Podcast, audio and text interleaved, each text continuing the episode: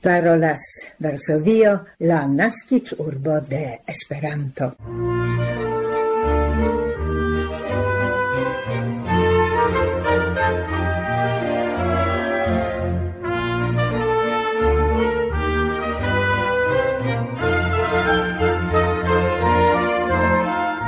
Coran bonvenon, carai auscultantoi, en la 1223 Esperanto elsendo el Varsovio, por qui usau de la dudecan de octobro 2022 invitas vin la tuta skipo de la Pola Retradio kai hodiau aparte Barbara Pietrzak, Milada Szwedo kai Maciej Jaskot kai krome Maurizio Giacometto kiu hodiau kontribuas voce al nia programo.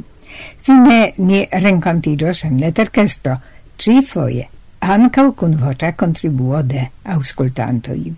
La elsendom comensas cultur tema informoi. La unualoka atentigas pri la concurs al dono de Lauro de la Akademio, kiu ankoraŭ atendas kandidatojn.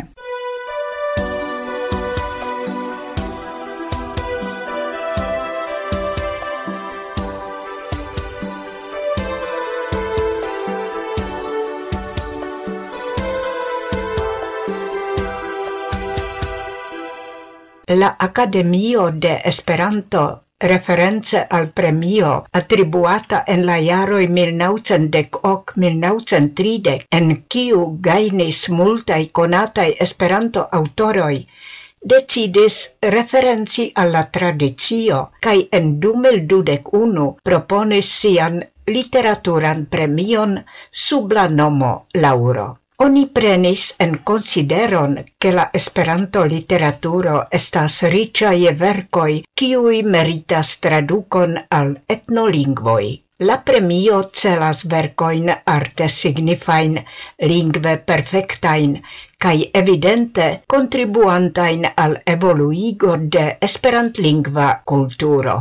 La unuan premion en 2021 gainis Michaelo Bronstein pro la romano Mi jungis al revado. Normale la limdato por candidatigi vercoin passas fine de junio, sed ciare pro plurmonata electo proceduro la Academio ne giusta tempe attentigis pri la limdato. Tial la limdato estas procrastita cis la fino de octobro. Tiel do, por la premio eblas ancorau proponi vercoin aperintain en sia unua eldono inter januaro 2017 cae decembro 2021. La proponoi atingu la jurion gis la 31 de oktobro 2022 ce la adreso Lauro Helico Academio streco do e streco esperanto punto org. La premio estos aliugita mese de decembro.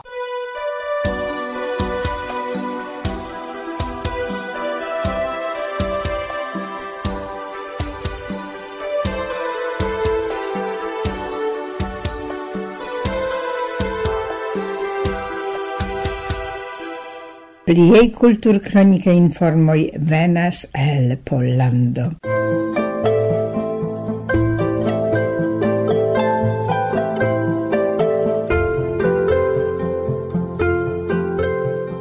La regiona Podlachia Muzeo en Bialistoko kreis la interretan portalon podlasiebranickich.polo, kiu kolektas informojn pri la historio kaj ligoj de la magnata Branicki familio kun la regiono. Oni prezentas en ĝi konstruaĵojn, dokumentojn kaj historiaĵojn. La listo estas daŭre kompletigata. Ĝuste ĉi tiu magnata agento antaŭ ĉirkaŭ tricent jaroj altigis la signifon de la Podlachia regiono. Jan Klemens Branicki, mil sescent ogdek nau, mil sepcent sebdek unu, la Krakowa Castel Estro, granda regia hetmano kaj senatano de la regia Pola Respubliko, influis la evoluon de Bialistoko, kiu dank al li komence de la dekoka jarcento akiris la urboraitoin.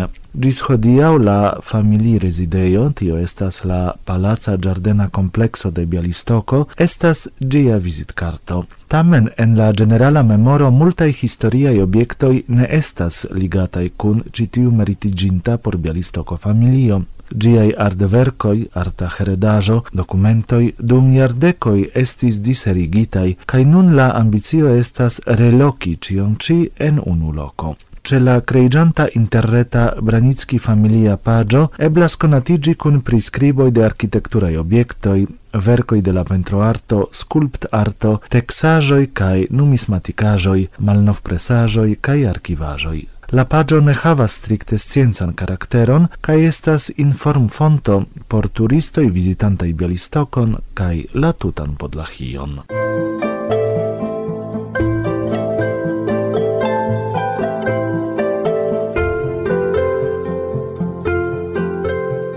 comence de octobro pasis la ducent quivin iarigio de la establo de secreta societo de conamantoi pole filomatoi. Inter la creintoi, studentoi au diplomitoi de la Universitato in Vilno estis ses personoi, inter alie Adam Mickiewicz. Kvankam li ne estis la cefa persono, se temas pri la organiza hierarchio, sendube superis aliain per poesia talento. En 1818 li presis en la gazetaro sian unuan versajon, kaj en 1822 aperis libroforme liai baladoj kai romancoj agnoskitaj kiel simbola comenzo de la pola romantico.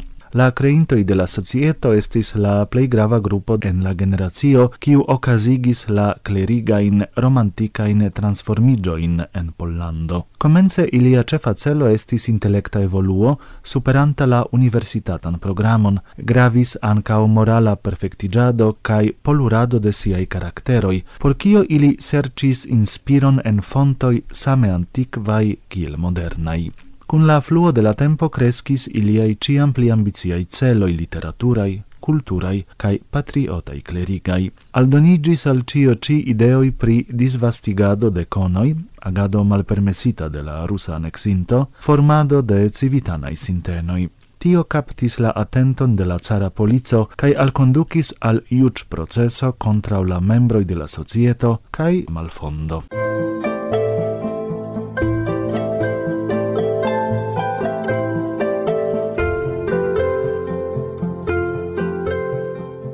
La laureatino de unu el la plei malnovai cae plei gravai presentajoi de la nuntempa arta texajo farigis la hindunia artisto Moumita Basak. La Internacia Trienalo de Texajo, kiun ekde 1975 organizas la Muzeo de Texo Arto de Lodzo, prezentas la plej gravajn tendencojn koncerne artan Texajon, spegulante gravajn etapojn kaj ŝanĝojn okazantajn en la art texa metio. La temo de la deksepa eldono de la konkurso Konfuzita Stato prenita el quantuma fisico signifas situacion kiam du bazaj elementoj estas ligitaj tiel ke sendepende de la dividanta ilin distanco ŝanĝo en unu kaŭzas tujan ŝanĝon en la alia. Texajo de la pratempo estas proxima al la homo, la exposizio en la Museo de Texo Arto de Lozzo bildigas citiun rilaton presentante la alrigardon de artistoi alla problemoi de la nuntempo, kiun concernas ciun homon. La bunto de la vercoi laŭ la vidpunkto de rigardo, riccio de la formo, facturoi, coloroi, cae signifoi, ebligas al ciu trovi por si ion proximan. La exposizio en la Museo de Texo Arto de Lodzo dauros gis la dekvina de aprilo 2023. Akompanas ĝin labor rencontoi por infanoj kaj plenkreskuloj.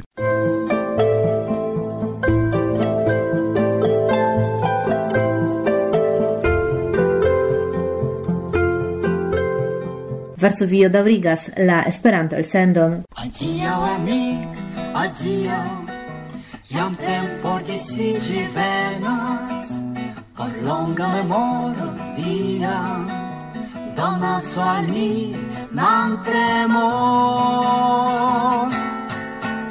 Donacu ancora canto, memoru mi vocion via, Ricordo Colainando, mi dirò salvi, mi dirò salvi, addio.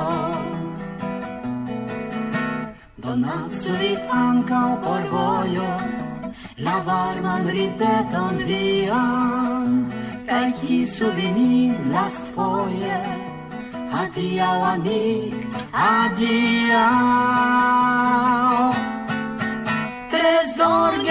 cion prenos kaj metos en coron mian. Iam tempo disige venis adiaŭ amic, adiao amic, adiaŭ tre mi cion prenos kaj metos en coron mian. Iam tempo disige venis, adiaŭ amic, adiau amic, adiau. Je tre mi cion prenos, cae metos en coron mian. Iam tempo gesige venis, adiau amic, adiau amic, adiau. Ni memorigis la canzonon Adiau amic adiau de Jean-Marc kai Natasha honoritaj nunjare per la kulturpremio de la urbo Allen, kiun dum aparta festa solenaĵo ili transprenos la plei proksiman sabaton. Citie Pola Retradio parolanta en Esperanto.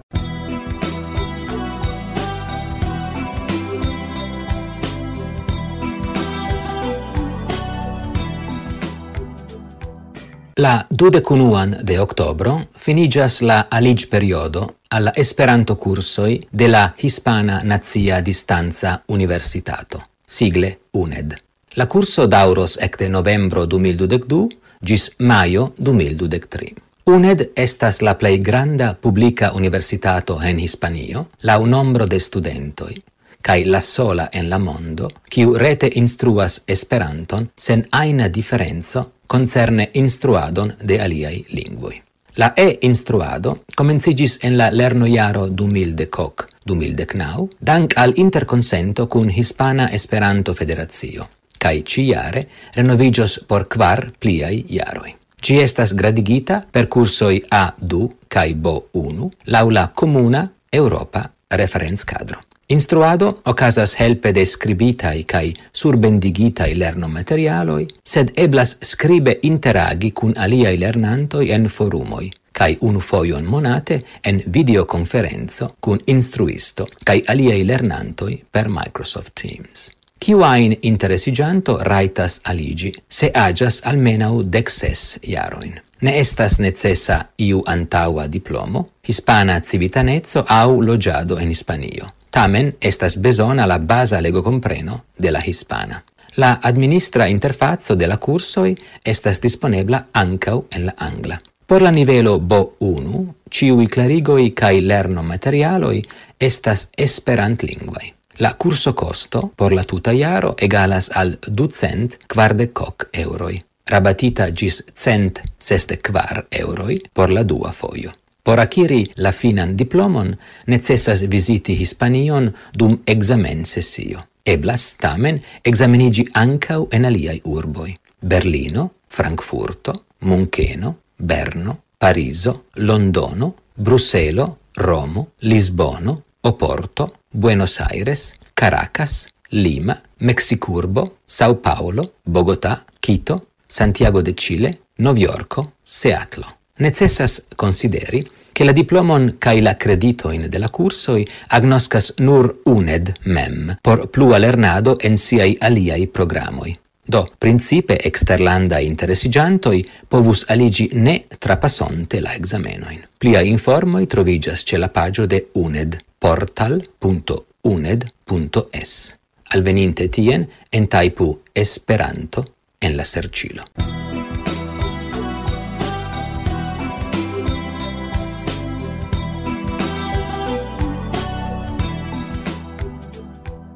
parolas Varsovio, la naskiĝurbo de Esperanto.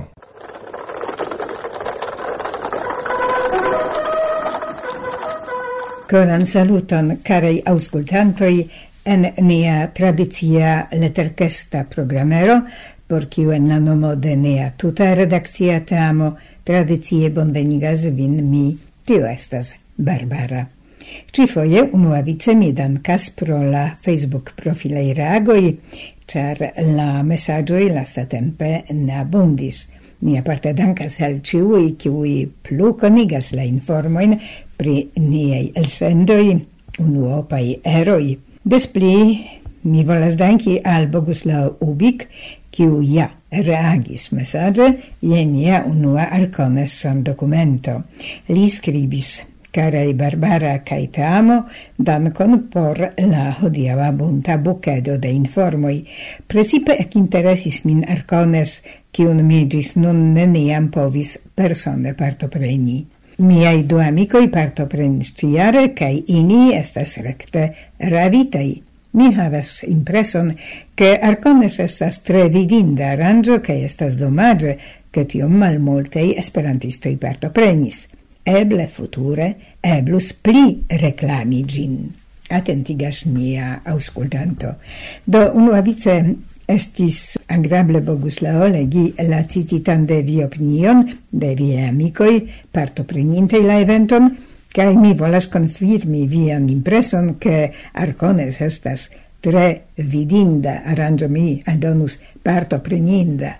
Vi esprimas la opinion che malmultei esperantisto parto prenis gin. No, laula organizantoi circa ucendo dudec parto prenintoi considere al iom malfrua annonco che Arcones ocasos nuniare fisiche ne estis malbona resulto. Mi esperas che venontiare la organizantoi prenos vian sugeston en consideron pli reklami la eventon, eble ankaŭ multe pli frue. Por ni estis vere belega afero rencontigi post la pandemia pauso de nove fisiche, cae por nia redakcio aparte rencontigi cun conatei cae malconatei gis nun auscultantui.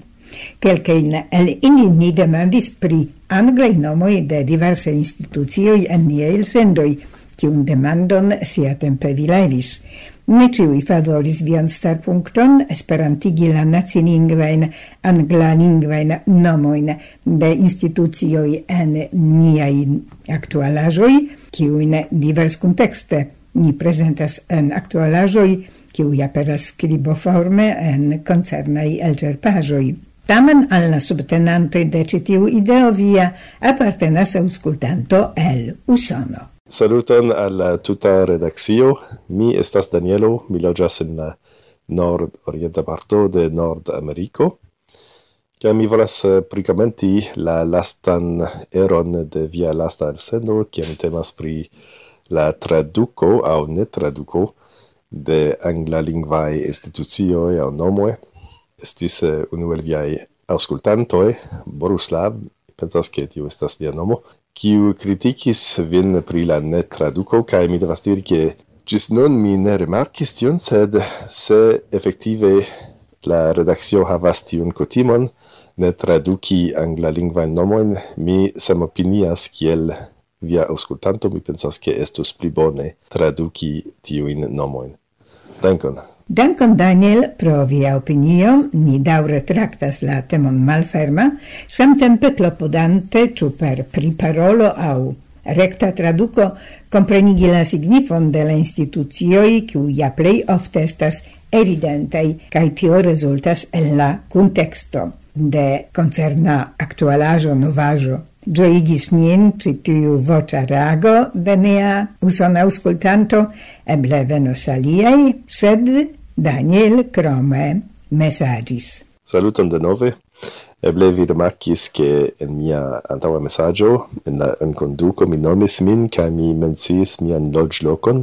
Mi ne mencis mian staton, nek mian naciecon, ca tio estis intensa, Char mi ne volas ke oni identigu min lau mia stato eh, en internazia movado kiel la esperantismo. Mi trovas iom strange che oni ciam nomas homoin cae diras tui el kiu stato ili estas.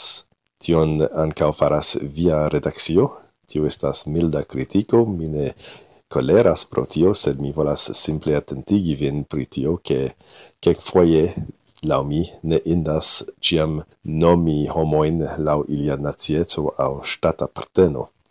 Do, jen plia critico, sed mi volas ancao estarigi che Via laboro estas bonega, mi tre ŝatas ĝin, mi aŭskultas de kelkaj jaroj kaj mi volas eh, instigi vin daŭrigi vian bonegan laboron. Ĝis! Coran dankon Daniel ankaŭ pro via krom messaggio por ni grava, et se via attentigo pri la nemenciado de la devenlandoj ŝtatoj de la auscultantoi, estas iom surprisa, Neniam gis nun oni attentigis nin pri tio, Compreneble ni nia flanke neniam havis la intenzon lesi privatezon de niei radioamicoi, cae do ciun reservon, ciun peton pri privatezzo ne um, sigado de la nomo la lando ni observas. Sed ni volonte conatiros cun la concerna opinio de aliei auscultantoi kai clopodos dume limigi la informo in pri la deven lando deven stato nur citante la nomo in Ci ukaze ni gioias exi, che vi auscultas niaen programoin, complimentas in, kai dankon pro la bondesiroi. Volonte ni ricevos pliain commentoin, kai opinioin de vi, kai dume ni core vin salutas. La lastan fojon ni ancau havis son contribuon al lettercesto de Jos Wichmann, kaj promesis referenci alla alia, en kiu li rilatigis sin alla interparolo pri la componista creado de Livendek. Estimata redactio, mi hodiau auscultis vian el sendon, en kiu vi interviewis signoron pri componado de musico. Gi estis por mi tre interesa, kai mi bone reconis tion, kion li diris pri componi, uh, mi ludas la transversan fluton, kai ja, mi foie trovis en uh, bulgara uh, revuo esperant linguan texton kai mi pensis no esas bona texto ni povas canti gin en nia klubo sed ne existas verŝajne mu muziko laŭ tiu texto do mi mem faras tion kai mi componis uh, ja muzikon kai ni en nia esperanta klubo tiam kantis gin kai anko mi ja uh, trovis texton uh, revuo de Julio Boggi kai mi anko faris muzikon laŭ tiu texto kai ni anko kantis gin en nia via Esperanto klubo kiu tiam ancora existis en mia urbo.